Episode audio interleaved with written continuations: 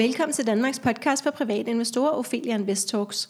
Mit navn det er Sara Ophelia Møs, og jeg driver Ophelia Invest lidt nu med mit meget committed team. Vores mission det er at skabe rum for læring, og vores vision det er, at alle danskere ved, at investeringer er på bordet, hvis vi altså ved det. Og det ved vi snart rigtig mange af os, og hvor er det dejligt. Strukturen er, at vi udkommer tre gange om øh, ugen i øjeblikket, og det falder på mandag, onsdag og fredag. Og det gør vi september måned ud. Og måske kommer der i virkeligheden et afsnit både mandag, tirsdag, onsdag, torsdag og fredag i den aller sidste uge, hvor vi udgiver det aller sidste afsnit.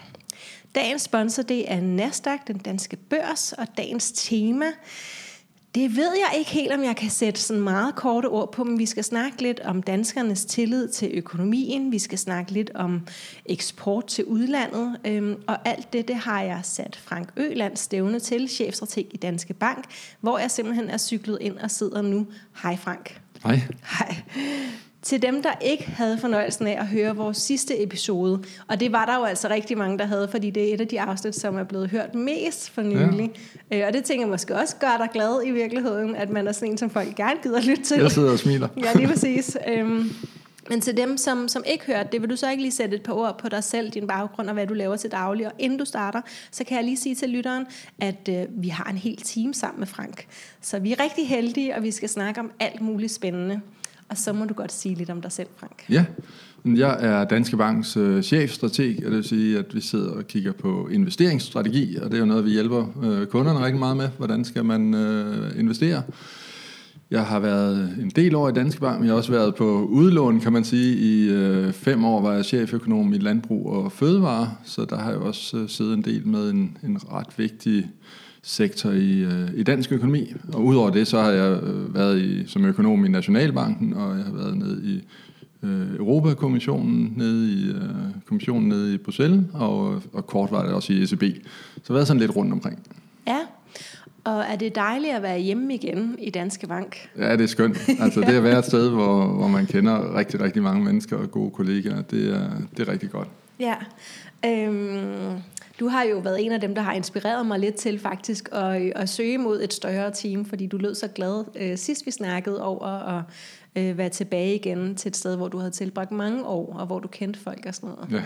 Ja. ja. Øhm, hvis vi nu bare starter sådan lidt fra toppen her, hvordan står det til med den økonomiske situation i Danmark?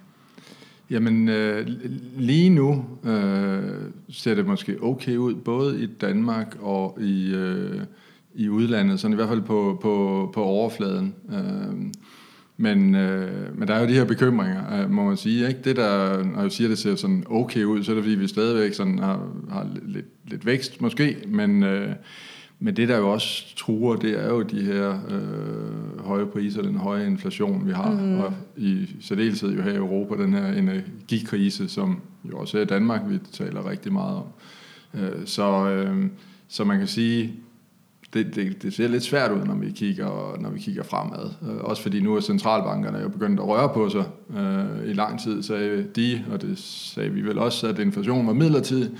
Øh, og det gik jo så ikke. Og nu er det jo i den grad begyndt at, at, at sige, at vi skal have inflationen ned til de her 2%, der er deres mål. Ikke? Så, så udover at vi har høj inflation og energikrise, så har vi altså også kraftigt stigende renter. Og det begynder at være noget, noget modvind for dansk økonomi og også andre lande, hvor, hvor jeg må sige, det, det bliver jeg faktisk lidt bekymret over. Hvorfor siger du så alligevel, at det ser godt ud på overfladen?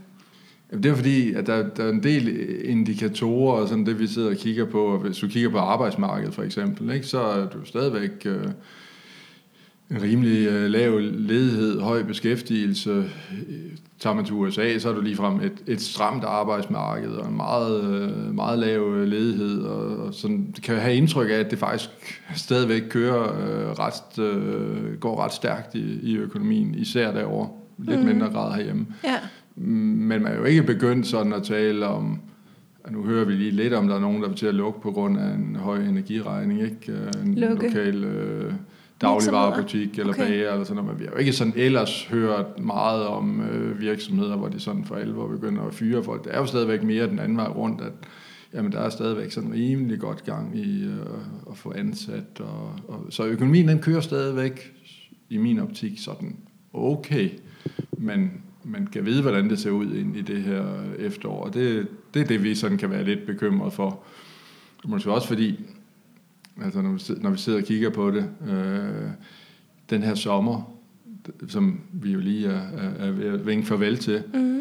altså det er jo en, vi, vi har glædet os til alle sammen, øh, og øh, måske også ekstra meget i år, fordi vi, øh, vi blev snydt lidt for sommerferie de sidste par år på grund af corona, øh, så så de planer, man har haft, selvom vi har haft høj inflation, tingene er blevet dyrere, så tror jeg, der er rigtig mange, der siger, at sommerferien, den skal man have lov at have og, og, og nyde den her, den her sommer. Og i Sydeuropa og i USA, jamen der er det jo altså august måned, der er, mm. er højsæsonen for ja. sommerferie, og, og, øh, og det vil sige, det er først nu her, vi kommer ind i september, at man måske siger, hov, det er da faktisk blevet lidt dyrt. Øh, høje energipriser, høje fødevarepriser, stigende renter, øh, øh, og måske også boligmarkedet, der begynder at være sådan lidt et spørgsmålstegn omkring, hvor det er på vej hen. Skulle man lige kigge igennem husholdningsbudgettet og, og måske se, hvor er der noget, man kunne undvære? Det kunne være nogle streamingtjenester, det kunne være noget andet, man kunne, ja. kunne tage ud. Og hvis vi alle sammen her i september og oktober gør det samtidig, at vi lige øh, strammer lidt op på husholdningsbudgettet, jamen så er det jo noget, der, der gør, at vi kommer til at og, og opleve efterspørgselen, den falder, og, og lige pludselig så er det måske, vi kommer til at tale om, øh, at så går det så ikke så godt længere på arbejdsmarkedet, så skal vi måske også til at høre om, om fyringer og sådan noget. Så det er sådan den bekymring, jeg har, at vi er på vej ind i et, et efterår. Øh, vi har sådan brugt den lidt winter is coming, øh, sådan Game of Thrones reference, at øh, ja. det måske ikke nødvendigvis er sådan så rart, det vi kigger ind i. Okay. Øhm, hvornår kan vi se, om, om de der sådan bange antagelser er rigtige? Altså, min forventning er, at vi, vi har en, en bedre idé om det i løbet af et par måneder. Øhm, som sagt, det her, lige nu får vi tal for august måned, som så rimelig stærkt ud. Vi skal hen, hvor vi kan se lidt mere, hvordan er det, forbrugeren de reagerer her, når vi kommer ind i, i efteråret. På den der usikkerhed omkring, hvad, hvad bliver vores øh, energiregning i den her, eller varmeregning den her vinter? Hvad med boligmarkedet? Falder min bolig 5 eller 10 eller 15 procent i værdi? Det, det er alt sammen noget, der kan få os til at stoppe lidt op. Og jo ikke kun herhjemme. Altså, det er vigtigt at huske på. Det her ja. det er ikke dansk, det er både Europa og USA. Men sådan noget som huspriser, det er jo også i Kanada og Australien, at vi ser, ser at øh, de, øh, de falder øh, ret meget. Så, så det, vil, det vil jeg forvente, at, at vi vil kunne se nogle tegn på i løbet af et par måneder.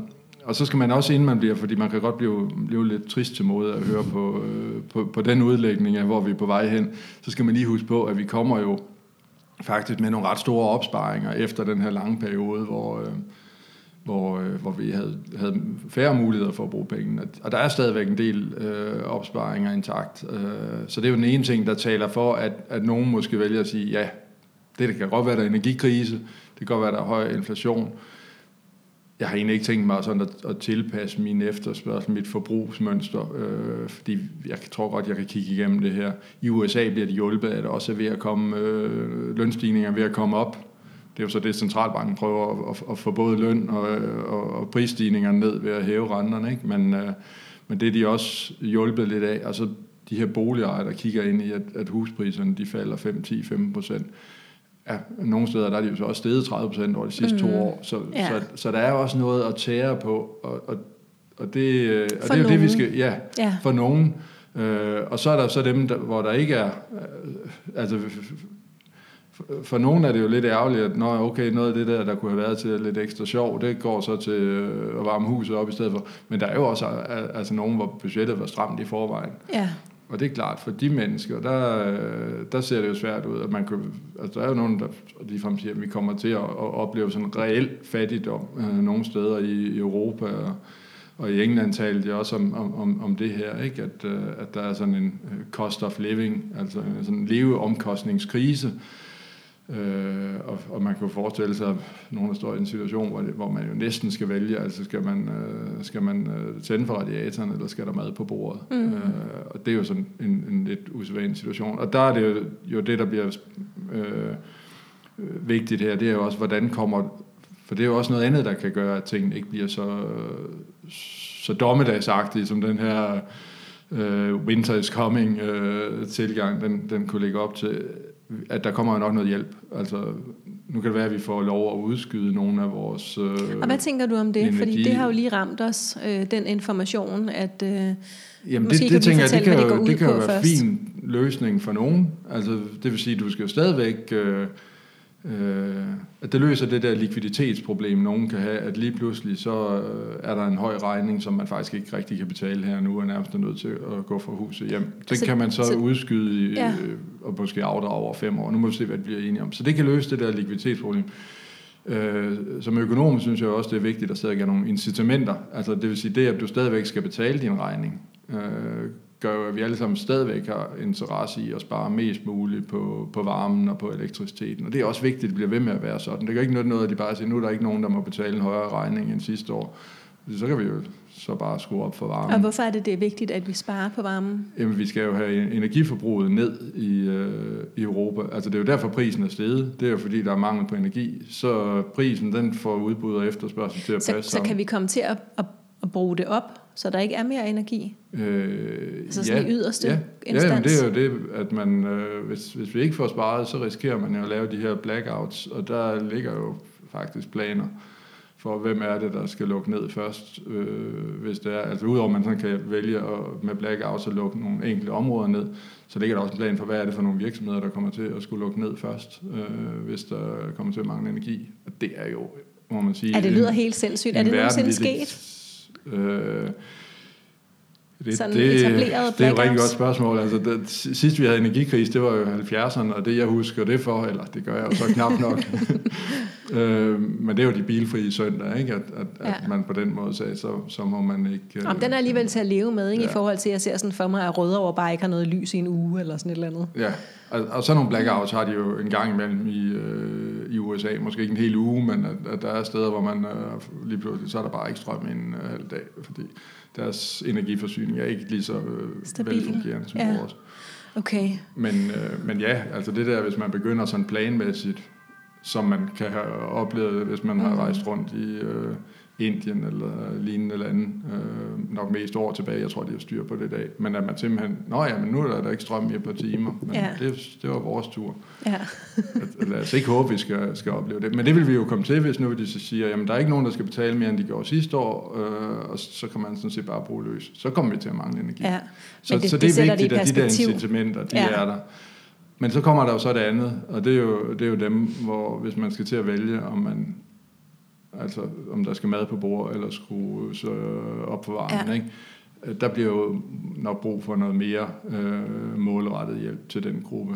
Øh, og der har jo allerede været øh, den her varme check på, var det 6.000 kroner, sådan men det rækker nok ikke igennem den her vinter, så jeg tror, der kommer noget mere målrettet hjælp også, og ikke kun i Danmark, men, men rundt omkring i, i hele Europa, måske endda koordineret. Og det kan også være noget af det, der gør, at vi netop ikke kigger ind i sådan et, et meget mørkt scenarie. Ja.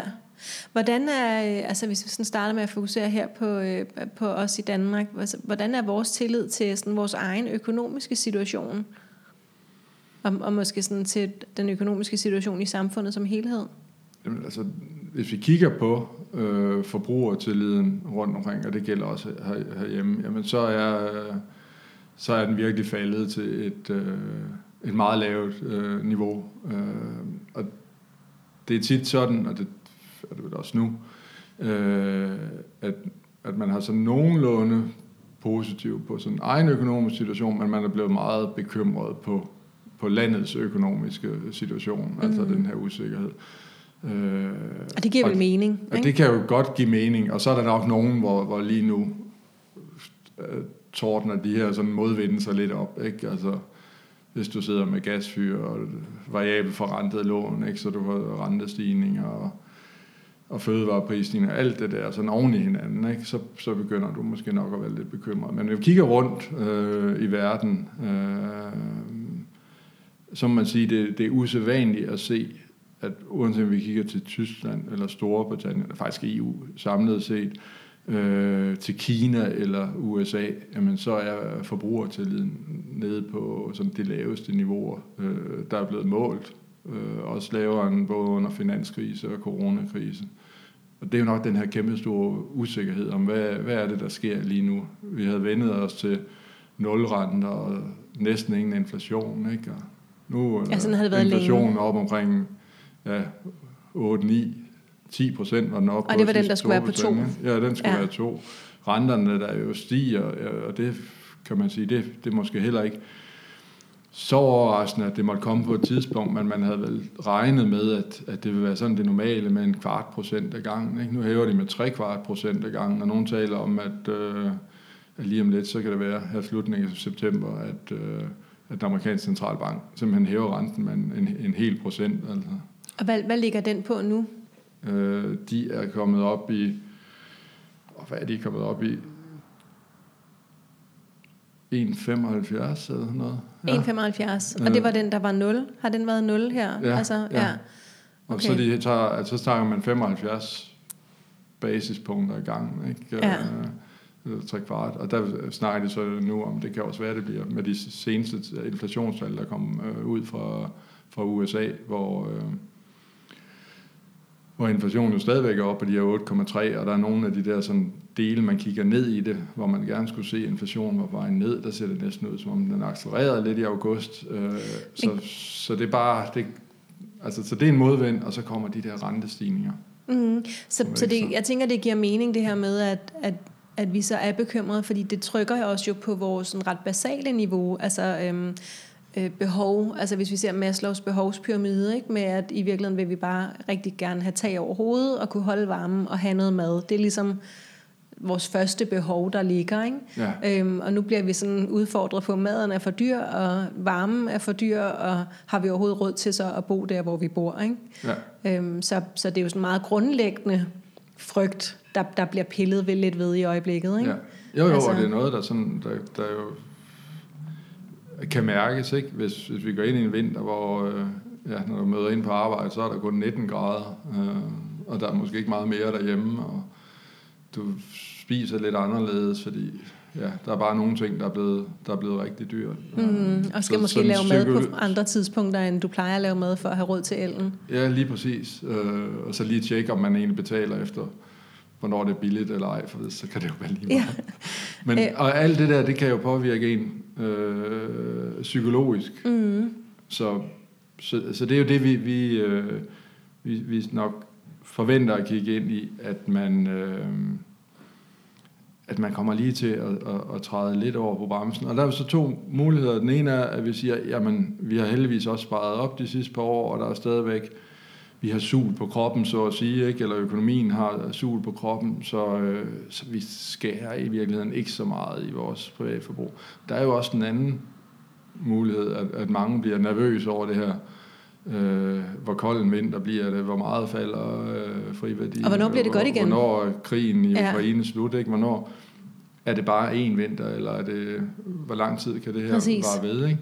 Så, så der kan jo også være det, at man, man øh, også bare fordi man begynder at læse rigtig mange ikke så opmuntrende overskrifter ja. i aviserne og nyhederne og sociale medier, det er der, vi får nyhederne i dag, ikke? Men øh, at det så gør, at vi alle sammen måske træder lidt mere på bremsen, skærer lidt ekstra til i, øh, i vores Og, og hvad betyder det så? Hvorfor er det vigtigt, hvorvidt vi har tillid eller ej? Men det, er- det er det jo, fordi det, der driver økonomien, det er jo, det er jo, det er jo i høj grad efterspørgselen. Øh, og, øh, Så hvis og vi det vil sige, det er jo bremsen, summen af vores kollektive beslutninger, og, og normalt, jamen, så kan der være, at der er nogen, de skal lige spare lidt, så er der andre, de får lidt ekstra råd, og kan mm. så skrue lidt op, og sådan ja. samlet set, så, så, så vokser efterspørgselen måske et par procent om året. Øh, men hvis vi alle sammen bliver bange samtidig, øh, mister lidt tilliden, og lige siger, Åh, lad, os, lad os nu lige vente, nu skal vi ikke starte nogle nye projekter op, øh, jamen så er det jo så, efterspørgselen falder, okay, så er der nogle virksomheder, til at producere lidt mindre, så er der nogen, der mister deres job, så falder deres efterspørgsel i hvert fald. Mm. Så kommer vi ind i en eller anden ond cirkel.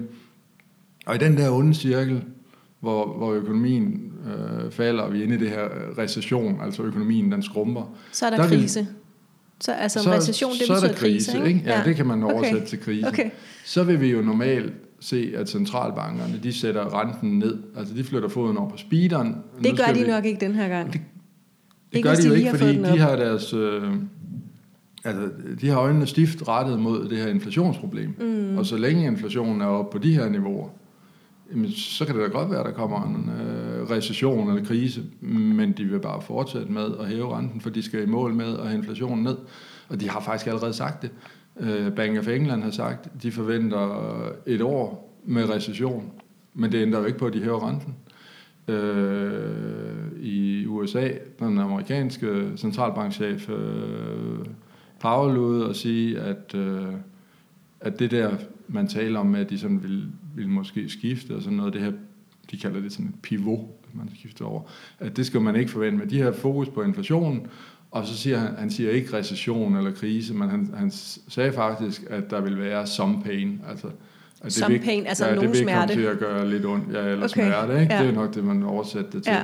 Og det er jo alligevel også noget. Nu gør vi det her, det kommer nok til at gøre lidt ondt, men vi gør det jo alligevel. Ja. Og det er jo det, vi skal kigge ind i, at, at vi er faktisk på vej ind i måske en recession eller krise. Og dem, der så normalt skal komme og, og redde centralbankerne med at flytte foden over på speederen, de, har, de er optaget af noget, noget andet desværre, Ja. at få inflationen ned. Jeg snakkede med Tine Choi, øh, chefstrateg i PFA, for nogle uger siden, og hun fortalte også, at, at der sådan med overvejende stor sandsynlighed kommer en recession øh, inden så længe, øh, men at, at det vil være en god ting, at den kommer, fordi så bliver der ligesom ryddet op i nogle ting, eller på en eller anden måde bliver vi nulstillet eller et eller andet. Øh, hvad, hvad tænker du om det? Jeg kan ikke huske præcis, hvordan hun formulerede det, men, men jeg fik i hvert fald forståelsen af, at det var nødvendigt. jeg vil sige, den, den gode vej ud af det her, det er den her bløde landing, hvor vi får nulvækst. Det vil sige, der bliver ikke rigtig skabt nye jobs, men vi kommer heller ikke til at se ledigheden til at stige. jobs, ja. Kommer, ledigheden kommer heller ikke til at stige alt for meget. Men sådan, hvor vi, vi lige præcis får så lidt vækst, for eksempel en vækst omkring 0, at inflationen den sådan stille og roligt kommer, kommer ned. Og sådan luften ud af ballonen stille og roligt. Ja. Ja, og det er jo det, man, man øh, håber på, at man kan have sådan en, en Blød en blød landing, ikke? hvor man kan hæve renterne og få inflationen ned, uden at, at skabe den her recession eller øh, sådan lidt dybere krise. Det er lykkedes en tre gange i løbet af det sidste halve århundrede, øh, så det er ikke umuligt, men, men Du ser siger- heller ikke overbevist ud. ej, hvis jeg nu skal lave en, en blød landing, eller en blød opbremsning, når jeg er ude at køre bil, så foregår det jo ikke ved at, at komme med fuld smadre, og så træde hårdt på bremsen. Og det er jo sådan set det, vi er i gang med i øjeblikket, ikke? At det er kørt lidt for stærkt, Lidt for længe. øh, hvor inflationen fik lov at køre op omkring 10 procent, og nu mm. er de så med de her vilde rentestigninger i den grad flyttet foden over på, øh, på bremsen, ikke? Og så, så håber vi så, at det bliver en øh, blød og behagelig oplevelse at være passager. Øh, Okay, ja. lad os, lad os Jeg krydser fingre. Ja. Ja. Ja. Jeg ved ikke, hvad hvad jeg skal sige til det, fordi det, det lyder jo ikke, øh, det lyder ikke blødt overhovedet, Frank. Øhm, lad os prøve at snakke lidt om noget andet. Hvor stor, øhm, hvor stor er den danske eksport af varer til udlandet? Så helt nyt emne. Ja. Næsten. Øhm, Skal jeg sige det igen? Hvor Jamen, stor er den danske eksport af varer til udlandet? Og du behøver ikke have noget præcis svar eller noget, men bare sådan for at give os en... Vi kan også starte et andet sted. Hvad er det, vi eksporterer fra Danmark? Hvad er det, vi sender ud af landet? ja.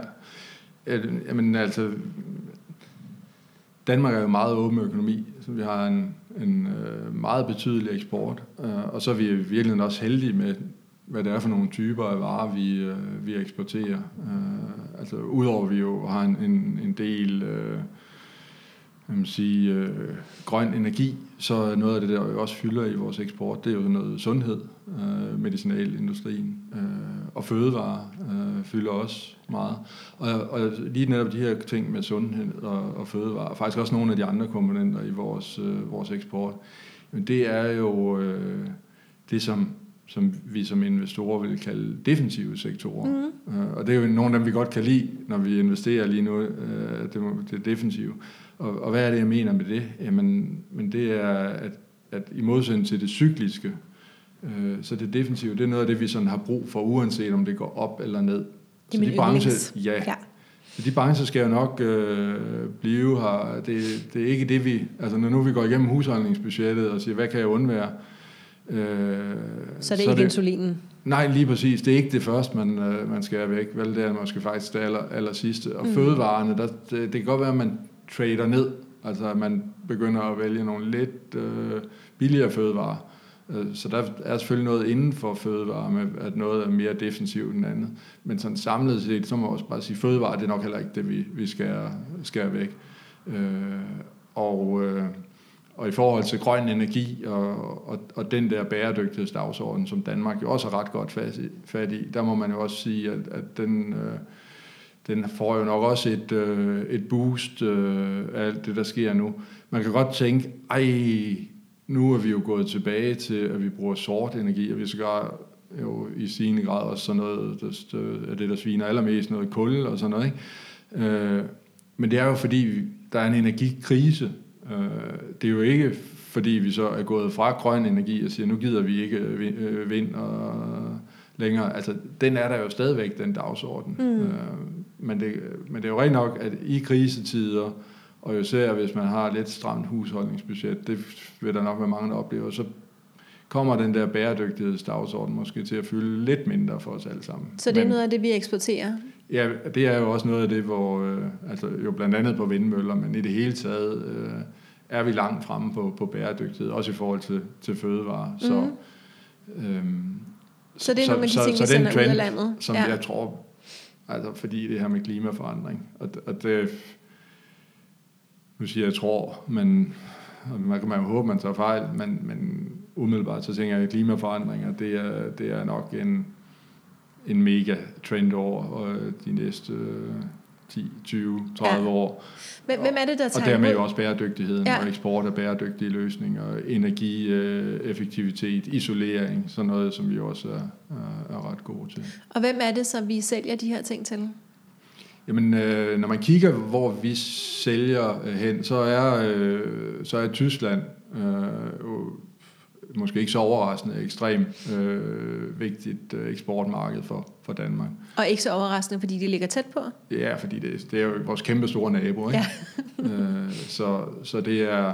Hvad med Kina? Øh, Kina er også en øh, vigtig, øh, et vigtigt eksportmarked, især for, for fødevarer, mm. men kraft af sin størrelse selvfølgelig også for, for andre varer, men især for fødevarer er Kina blevet et rigtig vigtigt marked. Så er der selvfølgelig Sverige, også USA som et, øh, et øh, vigtigt marked.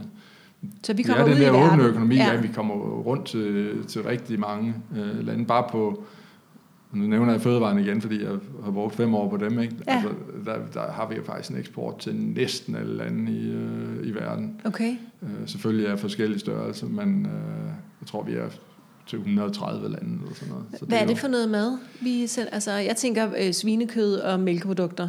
Ja, det er, det er også de største øh, eksportkategorier. Øh, så er der noget fjerkræ, og der er, der er noget æg, øh, der er selvfølgelig også øh, oksekød, øh, og så er der jo også noget agroindustri. Øh, vi faktisk Hvad også? Øh, altså, øh, Korn? Øh, det har vi ikke så meget eksport af endda. Øh, lidt af det også. Men jeg sige, det er så ikke fødevare, men, men, men altså sådan øh, industriløsninger til fødevareindustri. Ah, okay. Altså store som, maskiner for eksempel, ja, eller det er teknik. Også, det er vi også gode til ja. øh, i Danmark. Øh, og, det med videnssamfundet, at ja. vi kan udvikle ja. nogle ting. Øhm, og, og hvor meget fylder så det her eksport sådan i, den, i, i det danske budget? Er det vigtigt, at vi sender... Altså, hvad hvis der kommer eksportstop i Danmark i morgen? Hvor meget vil det så betyde?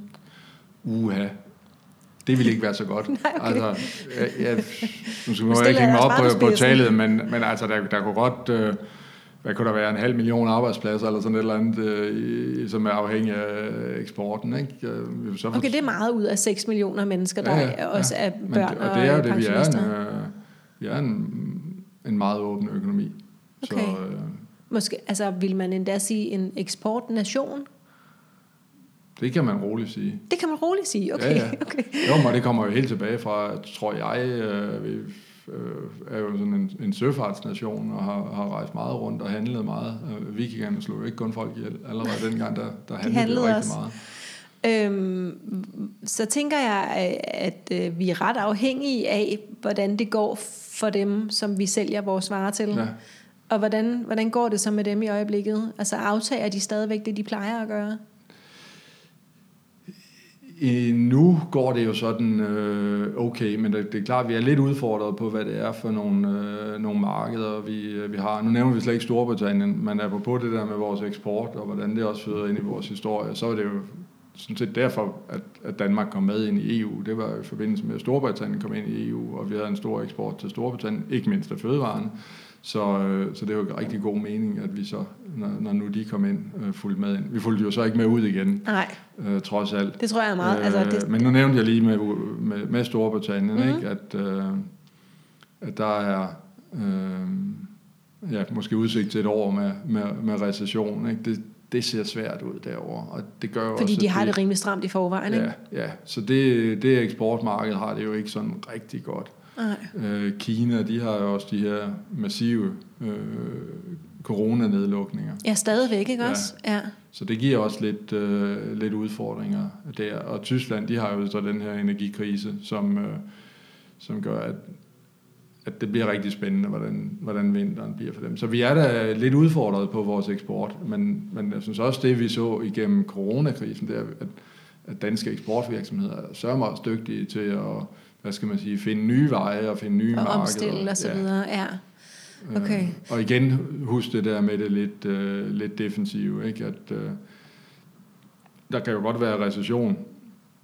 Det betyder jo ikke at betyde, at der er nogen, der skal øh, bruge mindre insulin eller andre ting. Nej, det er så, nu, det... så det skal man også lige have, have for øje, ikke? at der er jo altså også nogle produkter, der det kan godt være, der er en påvirkning, men den er ikke så voldsomt stor. Så hele farmaindustrien i Danmark, som er rigtig stor i Danmark, den bliver ikke berørt på samme måde, som for eksempel øh, fødevarene måske kan blive det. Nej, hvis man, man solgte nogle, øh, nogle luksusgoder, øh, som man var lidt nemmere ved, altså, det behøver ikke engang være luksusgoder, men det kunne være sådan noget som, som streaming tjenester, ikke? hvor mange måske efterhånden var oppe på at have en, en 4, 5, 6 stykker, det er sådan et ret nemt sted lige at sige, øh, det tager ikke lang tid at, at, at sige pænt farvel til et par stykker af dem, og så har man sparet lidt hver måned. Ja. Så det bliver sådan meget cyklisk. Øh, så ikke for mange øh, Netflix-aktier i øjeblikket? Mm, nej, altså nu er de jo faldet meget, men øh, og, og udtaler vi os jo ikke på, på, på enkelte aktier, men sådan generelt på, på streaming-tjenester, Øh, der tror vi måske nok stadig det er udfordret. Men det kommer også et tidspunkt, hvor det ser interessant ud på, på prisen. Ikke? Altså de, de er, jo, er jo faldet en del. Ja, men bare fordi noget er på tilbud, behøver det ikke at være et godt tilbud, har jeg lært. Det, øh, ja. det er nemlig rigtigt. ja. øhm, nu, nu nævnte du lige øh, Storbritannien helt kort. Øhm, jeg tænker, du er sådan en, der måske nok har en finger på pulsen i forhold til, hvad der sker derovre. Kunne du ikke bare lige, øh, nu hvor vi har god tid i dag, kunne du ikke bare lige, øh, lige recap, hvad er det, der sker i Storbritannien i øjeblikket? Hvorfor er det, de, øh, de stadig, altså Brexit har jo varet et stykke tid nu. Altså, det skal jo formentlig vare længe. Ikke? Altså, når de er ude, er de ude.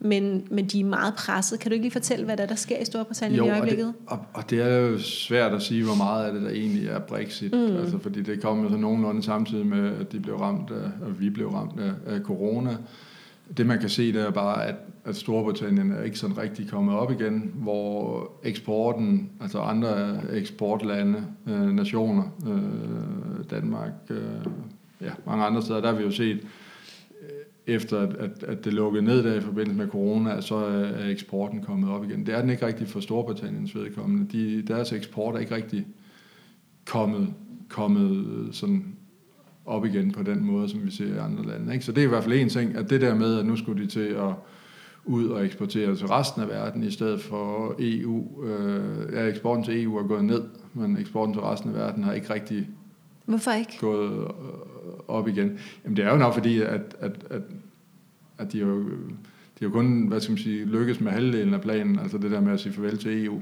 Altså det der med at lave nogle rigtig gode handelsaftaler, med, med resten af verden, så de lige pludselig skulle eksportere meget mere, end de allerede gjorde. Øh, og så dårligt var de aftaler, de havde igennem EU, sådan set heller ikke. Men, men så det, den del af det bare ikke rigtig lykkedes øh, for dem endnu. Øh,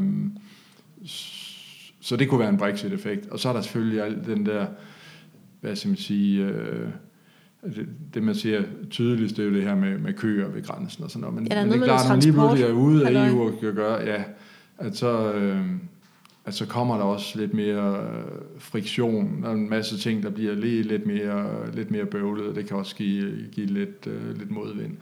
Og så nu med energikrisen, så uh, uden at jeg skal gøre mig til ekspert på, uh, på hvorfor, så, uh, så bliver de i hvert fald ramt lidt, lidt hårdere af den også, uh, og, og har også oplevet nogle ganske høje energipriser, der påvirker uh, forbrugerne derovre. Hvordan så de er, det er som om, de sidder lidt med en uheldig hånd i øjeblikket. Ja, ikke også? Og, og som bare bliver ligesom værre på en eller anden måde, værre og værre, ikke? Altså... Ja, så må vi, altså det er måske ikke så overraskende. Det kan jo også være, at de kan finde nogle, øh, se nogle muligheder øh, i, i, i, øh, i takt med, at de jo forhåbentlig får det her Brexit til at og, og, og i en eller anden grad fungere for dem. Men, men lige nu, øh, ja, der, der, er det, der ser det lidt svært ud for dem. Ja.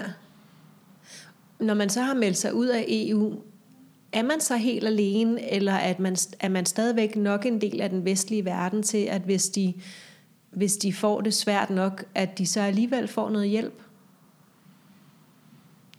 Der er vi jo, der er vi jo så heldigvis ikke, at, Endnu, at, de, at de sådan ligefrem skal, skal til at have, have, have hjælp. Men, øh, men man er jo ikke, altså man er jo ikke helt alene, man er jo stadigvæk øh, med i en hel masse forskellige øh, ting, og NATO og så videre, ikke? Og, øh, så det var ikke det eneste bånd, de havde ind til resten af nej, klassen? Nej, det er, og der er jo også stadigvæk et tæt øh, samarbejde. Der er jo nok ingen tvivl om, at der, der, der var jo hvad skal man sige, en, en lidt fortættet stemning, øh, og nok også lidt bitterhed der, da de, øh, de forlod øh, EU, men og, og, og det der blame game, ikke? hvem skyld er den, når tingene ikke går så mm. godt, det er svært at lave en aftale, men, men i sidste ende, altså, det er jo deres ret at, at, at gå ud af EU, øh, og så skal vi jo så skal vi jo alle sammen prøve at komme, komme godt videre. Altså der, Storbritannien er jo stadigvæk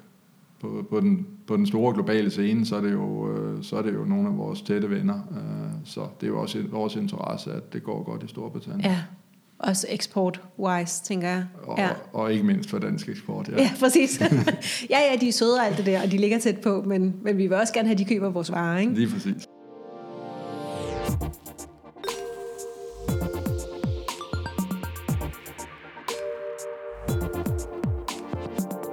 Ophelia Invest Talks er sponsoreret af Nasdaq Copenhagen, Københavns Fondsbørs. Nasdaq tilbyder både private og institutionelle investorer en attraktiv samlet markedsplads, som muliggør at tiltrække risikovillig kapital til noterede selskaber. Det er med til at skabe vækst og innovation, arbejdspladser samt bidrag til den danske velfærd. Nasdaqs purpose er at støtte inkluderende vækst og velstand.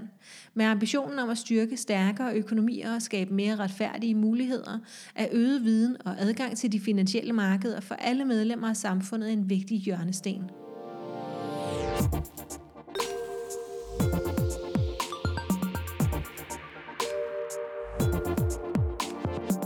Nu har vi snakket lidt om, hvad, hvad det sådan er, vi, øh, vi eksporterer øh, allerede, øh, og det var, øh, det var noget med noget farma, altså noget, noget medicin og så videre, nogle fødevarer og noget, noget grøn energi, noget bæredygtighed, helt det space.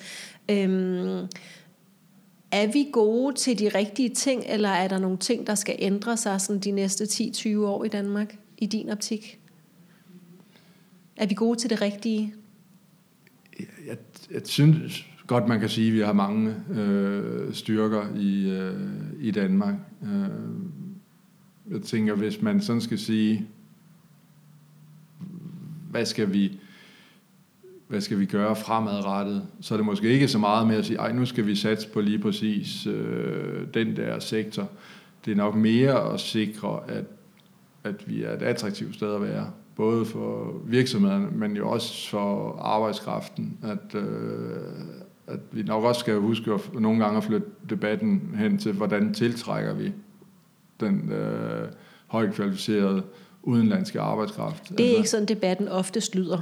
Nej, det er nemlig ikke, og, og, det, øh, og det gør desværre, at, at Danmark kan virke som måske et lidt uvelkommen sted. Afvisende endda. Ja, ja. ja.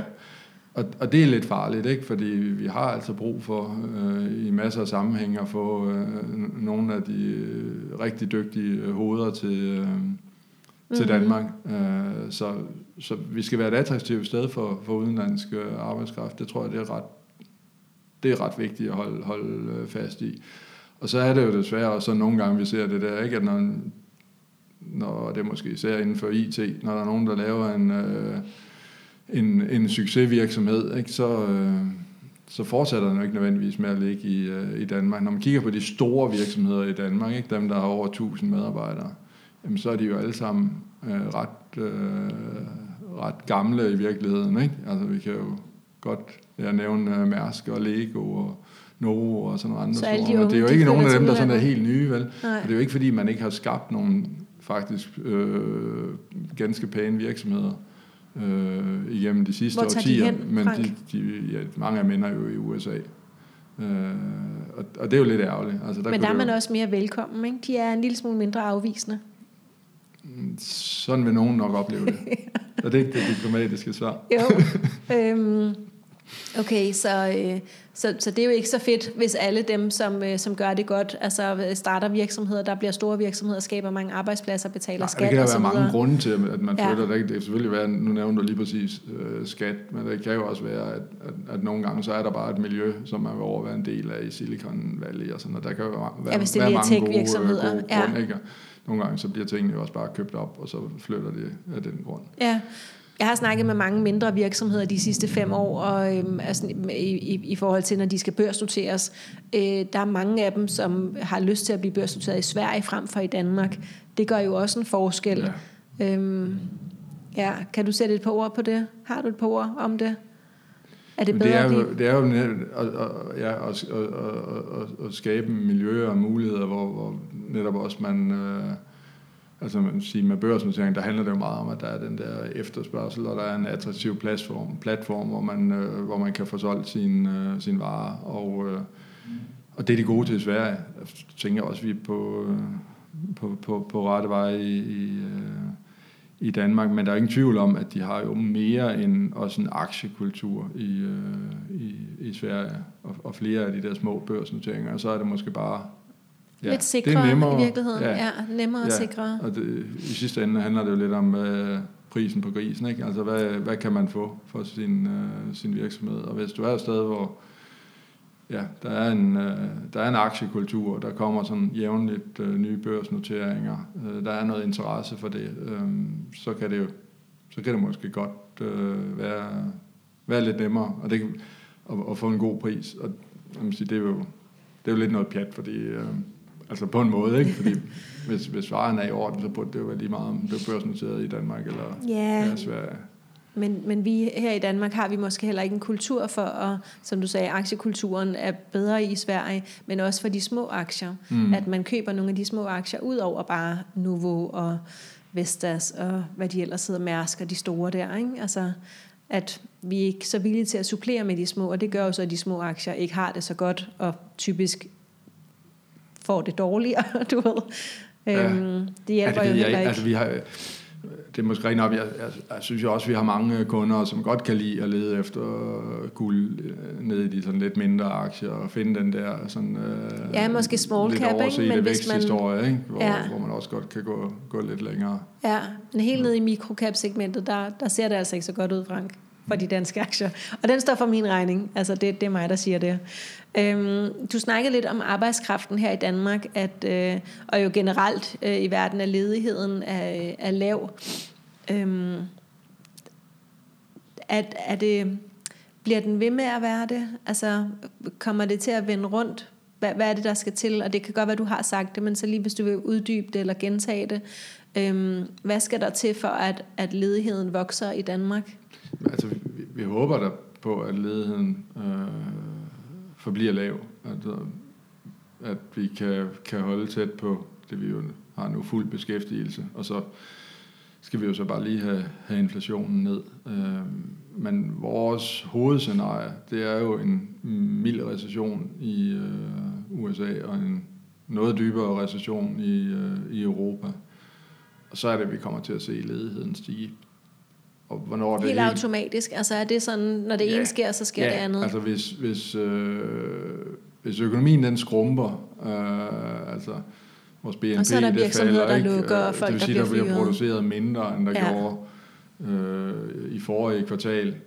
Jamen, så får vi jo også brug for færre øh, Okay, så hvis vi det. bruger færre penge alle sammen, så er der brug for færre arbejds... Ja, altså, så skal der produceres Øh, mindre, og så på et eller andet tidspunkt, fordi vi jo hele tiden bliver mere og mere produktive, ja. så vi kan, vi kan producere mere og mere, Og det er sådan Men, to øh, ting på én gang, der sker. Vi kan producere mere, og hvis vi så bruger mindre, mindre. Ja, ja, så er der brug for færre.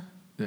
Og, og så selvfølgelig også i, i den der situation, hvor vi er i recession, når der bliver talt krise, så bliver virksomhederne jo også mere omkostningsfokuseret. Og de får lyst til at Så, spare så penge når de også. ser Ja. muligheden for det, ikke, så ja, ansættelsestop eller, eller nogle Man vil måske hellere have 20 grader end den seneste ansatte. Det ved jeg ikke. 20 grader lyder også meget, var det ikke? 19, 19 vi skal Jo, være jo, men det er det, jeg siger. Jo, så hvis man sidder der og fryser derude, ikke, så ja, Ja, tænker man, at ja. men i virkeligheden, så kan vi måske skrue lidt op for varmen, og vi kan godt alle sammen lave arbejdet, øh, hvis vi fyrer en medarbejder, og så kan vi have det lidt varmere. Det var bare mig, der tænkte højt.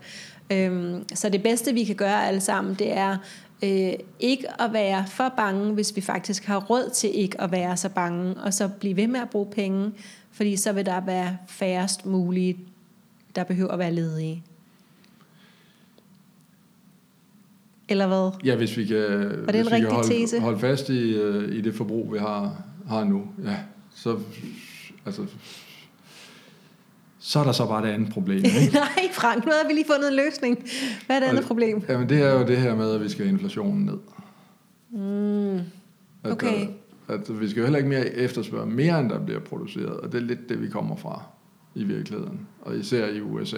så At vi skal der- efterspørge præcis det, der bliver lavet. Ja, vi skal sådan have sådan en økonomi i, økonomi i balance der, ikke? Øh, Og det er den der bløde landing, hvor vi sådan får efterspørgselen lidt ned, så det lige passer med, med det, der bliver Men det sker jo helt naturligt, at efterspørgselen kommer lidt ned, fordi der er nogen, som ikke har en opsparing, der er stor nok til, at Ja, de bare kan blive ja. ved, øh, når det er, at tingene koster mere, Ja. og øh, hvad hedder det, elen koster mere, og så Ja. videre.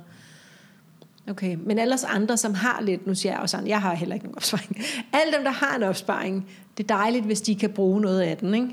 Jo, jo, og så øh, jo endelig bruge det hjemme i den danske økonomi, Ja, så vi i hvert fald i den holder, danske holder økonomi i, også. I, i gang i den lille ø, ikke? Så ikke kun ind på Amazon og bestille. Det skal Hellere gå ned i Netto. Hvad de gør. Ja, og det er pænt af dig, trods alt. Øhm, kan, du, kan du prøve at sætte lidt ord på, hvad Nationalbanken gør, hvis vi lige skal snakke lidt om inflationen? Hvad er det, hvad er det som de, sådan, du ved, så du nævnte et par centralbanker og så videre. Jeg Hvad, vil slet ikke nævne Nationalbanken i dag. Nej, nej, nej, du nævnte nogle andre, øh, du ved. Vi snakkede om inflationen, Ja. og øh, inflationen skal helst ligge på 2%, og det har Ja. man vedtaget i EU, og det prøver Nationalbanken så i Danmark også at opretholde. Altså at de prøver at sørge for, at den i Danmark er på cirka 2%. Ja, Er der yes. Øhm, og i øjeblikket er den jo så på over 8 procent, ja. sagde du. Yes? Ja. ja. Øhm, så hvad er det helt præcis, de gør for at sænke inflationen? Kan du ikke lige, du ved, skære det ud i pap? Jo, øh, man kan sige, at Nationalbankens målsætning, det er stabile priser. Det er det, der står i... øh, at Ja, det spiller sikre- ikke i øjeblikket. Øh, nej, det er jo det. Og så har man jo så en fortolkning af, når nu der står i Nationalbankloven, at de skal sikre stabile priser, så siger man, det, det er så de her 2% inflation. Og, øh, og, det, og så næste... Ja, nu, nu antager vi lige nogle ting her. Ja. Så, øhm, så de stabile priser, øh, hvis inflationen er 2%, så har vi stabile priser. Og stabile priser, der jo hænger sådan- sammen med inflationen, det er fordi, de så stiger, du ved, så, øh, prisen de. på en pakke toiletpapir stiger med 2% Ja, om året. ja Er det rigtigt prisen på sådan en forbrugerkur, altså sådan, at det i gennemsnit, ikke, så yes. stiger priserne for en almindelig forbruger med Cirka 2% 2% om året. Ikke? om året. Og i øjeblikket siger den så med øh, cirka 8,5 procent om året. Ja. Og, øh, ja, og det, er jo, det er jo bare et helt andet sted. Og 2 procent, Yes. så man sige, at det er jo ikke stabile priser, men det er jo sådan det her med, at man godt have en lille smule inflation. Det er faktisk okay. Og hvorfor egentlig? Det er fordi, at der sker noget, når man begynder at, at, at, at, at have, have faldende priser. At det er, altså det her deflation, og det kan godt være lidt, øh, lidt skadeligt for, for økonomien. Hvorfor kan det ikke bare være 0? Hvorfor kan den ikke bare være 0, så at tingene bare altid koster det samme? Ja, og det, og det kunne man måske også godt øh, gøre, men, øh, Men det er, det er fordi, de gerne vil have os til at købe nogle ting, ikke? så kan man jo sådan, altså med de 2%, så kan vi sådan sætte priserne øh, lidt op en gang imellem, ikke? og folk kan få lidt lønstigning og sådan noget. Det, det økonomien Holder kører godt der, hvor vi ja. hverken la- for lav eller negativ inflation er et problem, for høj inflation er et problem, og så er man nok kommet frem til, at de der 2%, og det er jo ikke, der er jo ikke noget magisk over 2%, men det Nej. er der, man er, er landet. Altså at 2% det virker som om, så kører øh, Ja. økonomien Jeg hørte godt. det forklaret øh, på den måde, at, øhm, at grunden til, at den trods alt er på et eller andet, i stedet for bare 0, er for, at vi ikke går og tænker sådan, "Nå, men hvis jeg for eksempel skal købe en ny cykel, når man skal jeg så lige vente et år med at gøre det, Nå, men så koster den jo også 2% mere. Altså, så, så der er sådan er en gulderod i forhold til at købe tingene nu, i stedet for bare at vente for evigt på at købe ting senere. Ja, og det kunne være den ene ting. Den anden kunne være, hvis vi har 0% øh, inflation, ikke? så priserne de sådan er helt stabile. Altså, så, så, øh, så har vi jo heller ikke rigtig noget lønvækst. Og det vil sige, lige snart man måske skal sådan holde lidt igen, ikke? så skal vi nærmest sætte lønninger ned. Og lønninger Ja, er ikke træne nedad til. Det er meget svært at blive enige om at sætte lønninger ja. ned. Ikke? Man kan bedre sige, jamen nu får du ikke nogen lønstigning. Stigning, ja. Det kan godt være, at priserne de stiger 2%. men Du har så den samme løn. Ja. I virkeligheden så får du jo også udhulet din købekraft. Men det er lidt mere tåleligt, end, Klart. end hvis vi havde 0% inflation, og din løn så Skulle falde. faldt med 2% fra tid til om året. ja. Egentlig var det jo det samme, men det vil nok føles anderledes. Klart. Så, så det er også en, en, en, en grund til, at økonomien kan bedre køre rundt med, med lidt inflation. Men hverken for meget eller for lidt, og lige nu er der for meget. Og, hvad- det er Nationalbanken, for- for lige at vende tilbage Yes. til den, øh, så, øh, så gør de jo i virkeligheden ikke særlig meget øh, selvstændigt, fordi det, øh, den måde, de så sikrer de stabile priser på, det er jo så den næste fortolkning der, hvordan sikrer vi stabile priser? Jamen det gør vi ved at have fast kurspolitik over for euroen, fordi der er stabile priser i euroområdet regnet med, så får vi også importeret, at vi har stabile priser i Danmark.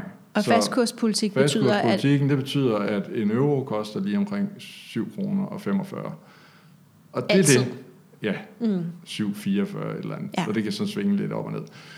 Øh, men meget lidt. mm, Og det er det, Nationalbanken den sikrer. Og det vil sige, Okay. hvis bare ECB sørger for, at inflationen Og er omkring ECB 2, er? den europæiske centralbank, yes. de sørger så for, at vi har de stabile priser, altså inflation omkring 2%. Nationalbanken sørger så for, at vi har en fast kurs over for øh, euroen. Så skulle det så gerne medføre, at vi også får omkring 2% inflation øh, i, øh, i Danmark. Så det er i virkeligheden ikke den danske nationalbank, der har lavet rav i den. Det er den det- europæiske nationalbank. Eller det er dem, der... Altså i og med, at de hævede renten for sent, kan vi se nu, ikke? Mm. så kommer Nationalbanken jo også til at hæve renten for sent. Fordi Ja. det er jo den måde, de sikrer fastkurspolitikken på. Det er jo De kopierer. Og, og kopiere, hvad den europæiske centralbank gør. Og så ja. nogle gange, så kan det være, at de lige er nødt til for at, at, at, at sikre den her. Sige, Nu skal vi lige have renterne lidt mere op i Danmark, men det er sådan noget 0,1 procent. Mm. Mm. Så de store rentestigninger, der er det altid bare, at når øh, den europæiske centralbank har, har hævet eller sænket renten, så kommer lidt senere på dagen, at øh, Nationalbanken gør det samme. Okay. Øh, Så, så derfor stiger renterne herhjemme nu. Det er fordi, at, at nu er den europæiske centralbank vågnet op og siger, hov, der er der inflationen øh, Og- og er det- 8,5 procent, det er jo ikke to. Så hæver de øh, Jeg hæver håber, de har renterne, fulgt med, gør- Frank, Hva? løbende. Jeg håber, de har fulgt med løbende. Ja, men... Øh, Det må man antage, ikke? men, men ligesom mange andre, så, så, øh, så var de jo overvist om, at øh, inflationen var midlertidig. Og det så det måske også ud til på et tidspunkt, at det her det var fordi, vi alle sammen købte varer, og ikke nogen serviceydelser. Og når så forbruget blev mere normalt, så skulle inflationen forsvinde igen. Det er jo bare ikke sket. Og senest har vi så fået en energikrise oven i alt det andet. Øh, så, så det midlertidige, det har de smidt ud af vinduet og sagt, hov, vi har faktisk et Nu er vi problem. faktisk nødt til at løse det. Ja, fordi Ja. vores troværdighed er faktisk ved at være nul og niks, øh, og det er derfor, vi træder hårdt på Okay, bremsen. og Frank, hvorfor er det så, at man sætter renterne, altså det, at man sætter renterne op, løser, at, altså, hvorfor hænger det sammen, at inflationen skal falde, når man sætter renterne op? Hvor- hvor- hvor- hvor- hvor- Hvorfor?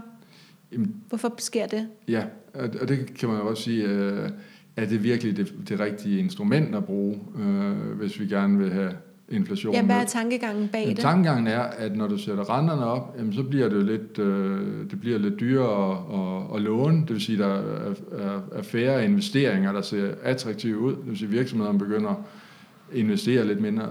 mindre. Det samme for forbrugeren, det bliver dyrere at låne nogle penge, okay, så skal jeg måske også forbruge lidt mindre. Øh, for boligejere kan vi jo mærke det ved, øh, at, at realkreditlån øh, bliver, finansieringen bliver dyrere. Det påvirker også aktivpriserne, så der er flere kanaler af, hvordan det påvirker økonomien.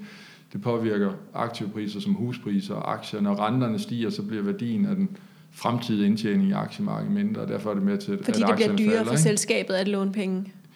Øh, jamen simpelthen fordi, at, at, at, at du... Øh, du tilbage diskonterer med, med Nej, renten. det må du ikke sige. Ja, når du skal regne ud, hvad er værdien af at tjene noget øh, langt ude i fremtiden, så regner du tilbage, der bruger du renten til at sige, okay, fordi det er jo den måde, man sådan kan flytte penge frem og tilbage i tid på. Så når renten den stiger, så falder værdien af den der fremtidige indtjening. Så falder aktiekursen. Okay, så man sætter så, renten op, fordi så, så bliver det... det er bare en af mange af de her kanaler. Ja, så bliver det dyrere for forbrugerne og for virksomhederne at låne penge, ja. og så bruger de mindre. Ja. Og så falder værdien. Og så ser vi også den der effekt igennem aktiepriserne, ikke? At, ja, øh, at de så falder. boligpriserne falder, aktiepriserne falder. Ja.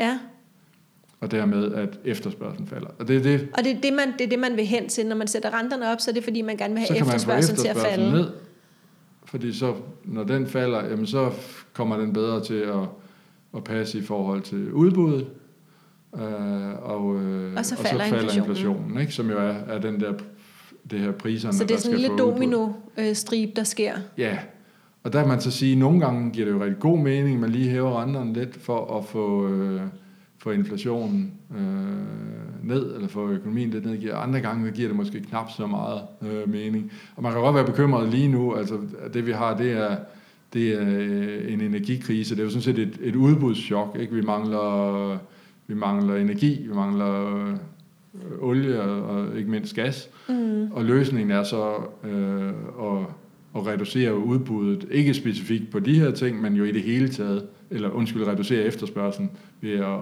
at, at hæve øh, renterne. Så der, der er sådan et eller andet nogle gange, hvor man siger, altså passer det her instrument egentlig til det problem, vi løser? Var det ikke bedre at, at løse vores problem omkring energiforsyning, hvis man kunne gøre det rimelig hurtigt, øh, og så få inflationen ned ad den vej? Og hvordan ville man rimelig hurtigt løse energi forsyningsproblemerne? Ja, det er jo så det, der ikke er nogen, der har fundet okay. quick fix på. Det kan godt være, du sad med løsningen. Øh, ja, det ville da være, være rigtig rart, men, men nok noget med blandt andet at få startet noget af det atomkraft op, man har rundt omkring. Øh, okay. Og, og sådan være lidt kreativ omkring at bruge de, de muligheder, vi har for energiforsyning i, i øh, Europa. Okay. Det er jo altså en anden vej til også at få, øh, få inflationen ned og få øget udbuddet af de ting, hvor, øh, hvor udbuddet ikke matcher øh, efterspørgselen. Ja. Øhm, mm, mm, mm. Vi har lige et par minutter tilbage. Jeg tænker, hvordan jeg lige bedst skal bruge dem. Jeg kunne egentlig godt tænke mig, hvis du vil prøve at, øhm, at uddybe det her med, altså, hvordan at inflationen påvirker aktiemarkedet. Øh, fordi det er, jo, det er jo aktier, vi tit snakker om her i podcasten. Ja. Øhm, det her med, at, at aktiemarkedet er faldet, og skal det så falde endnu mere? Altså nu hvor de sætter renten op, at, hvad, hvad, hvad, hvad skal der så ske ja. med aktiemarkedet ja. de næste måneder eller år? Ja, det kan vi godt. Så noget. Ja. Øhm, altså, og det vi har set i aktiemarkedet i år, det er jo netop, at de her øh, rentestigninger, at de har, øh, de har sendt øh, aktiekurserne øh, ganske meget ned. Mm. Og det er fordi, at den, øh, det rammer virksomhederne på i hvert fald to måder. Det ene er, at det bliver dyrere at finansiere sig, det vil sige virksomheder med en del gæld der bliver det bare dyrere for dem.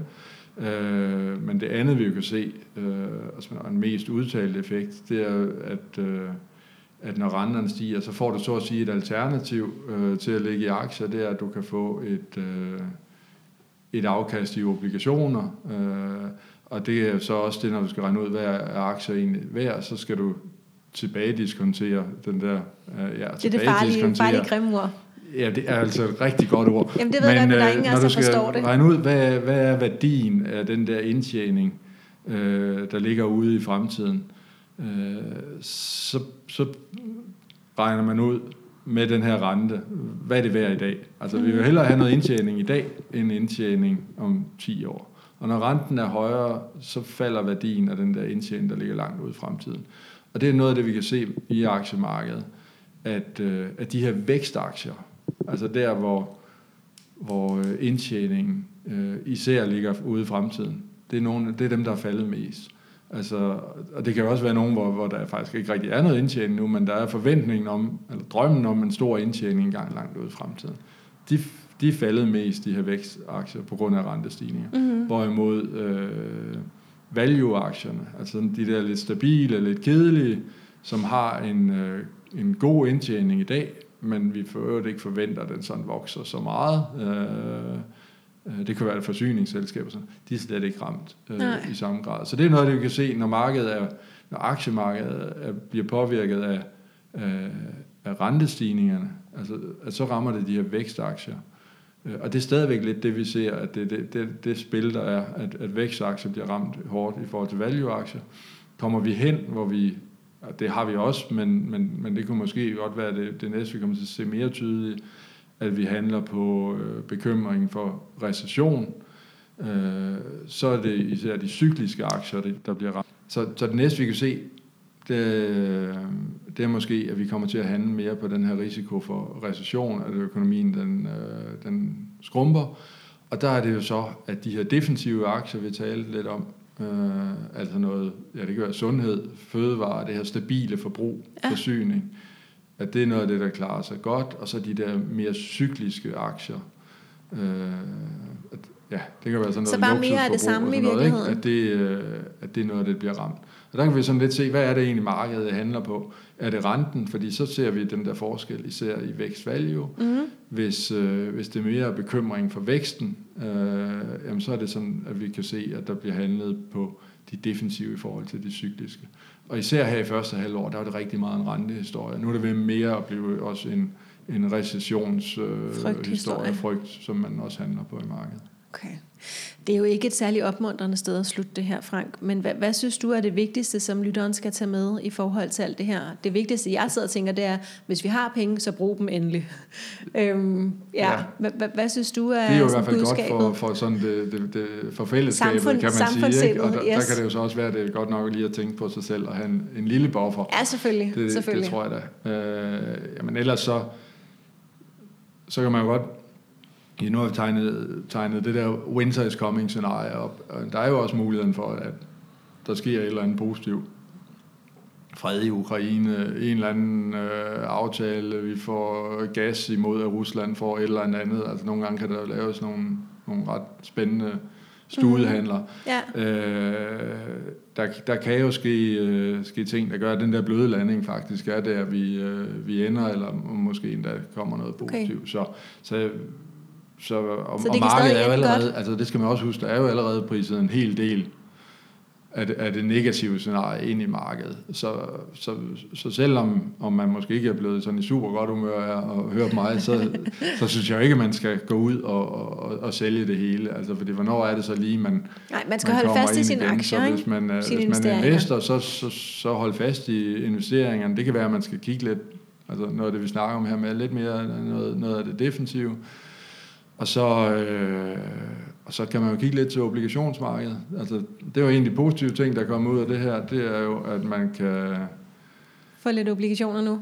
Ja, at man ja. kan få noget rente igen ja. i obligationsmarkedet, også på, på obligationer med, med kort løbetid, danske stater og danske realkreditobligationer. Altså noget af det, der faktisk er ganske sikkert, men hvor man kan få lidt øh, Så for lidt første afkast. gang i mange år, så er obligationerne faktisk så lidt sjove Så de er ved at blive lidt, øh, lidt, ja. lidt interessante. Og det er den sikre investering igen. jo. Ja, Ja. Så det, øh, det, er jo, det er jo en af de ting, man kan sige. Øh, og så endelig, altså, hvis man skulle sige, er der slet ikke noget positivt? Altså hvis man nu, øh, hvis man nu har et fastforrentet lån, man ikke har gået og kigget på i overvis, øh, fordi at det jo netop er fastforrentet og passer sig selv, så kan det være, at man lige skulle ind og tjekke kursen, fordi det kunne jo godt være, at det var ret interessant at, at, at kigge på og få det lagt om. Det kan godt være, at man kunne blive overrasket over, hvor stor en øh, restgældsreduktion man faktisk kunne få.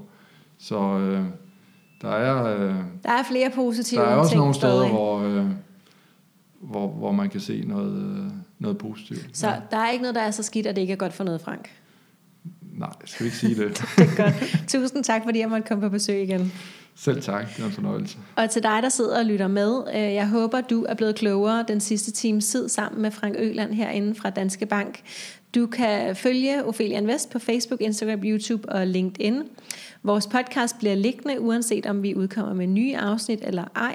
Du er også velkommen til fortsat at diskutere alle de her emner og alle mulige andre emner inde i Aktieklubben Danmark på Facebook, hvor du er meget velkommen. Den her episode var som sagt sponsoreret af Nasdaq, den danske børs, og så er der bare tilbage at sige tusind tak, fordi du lyttede med.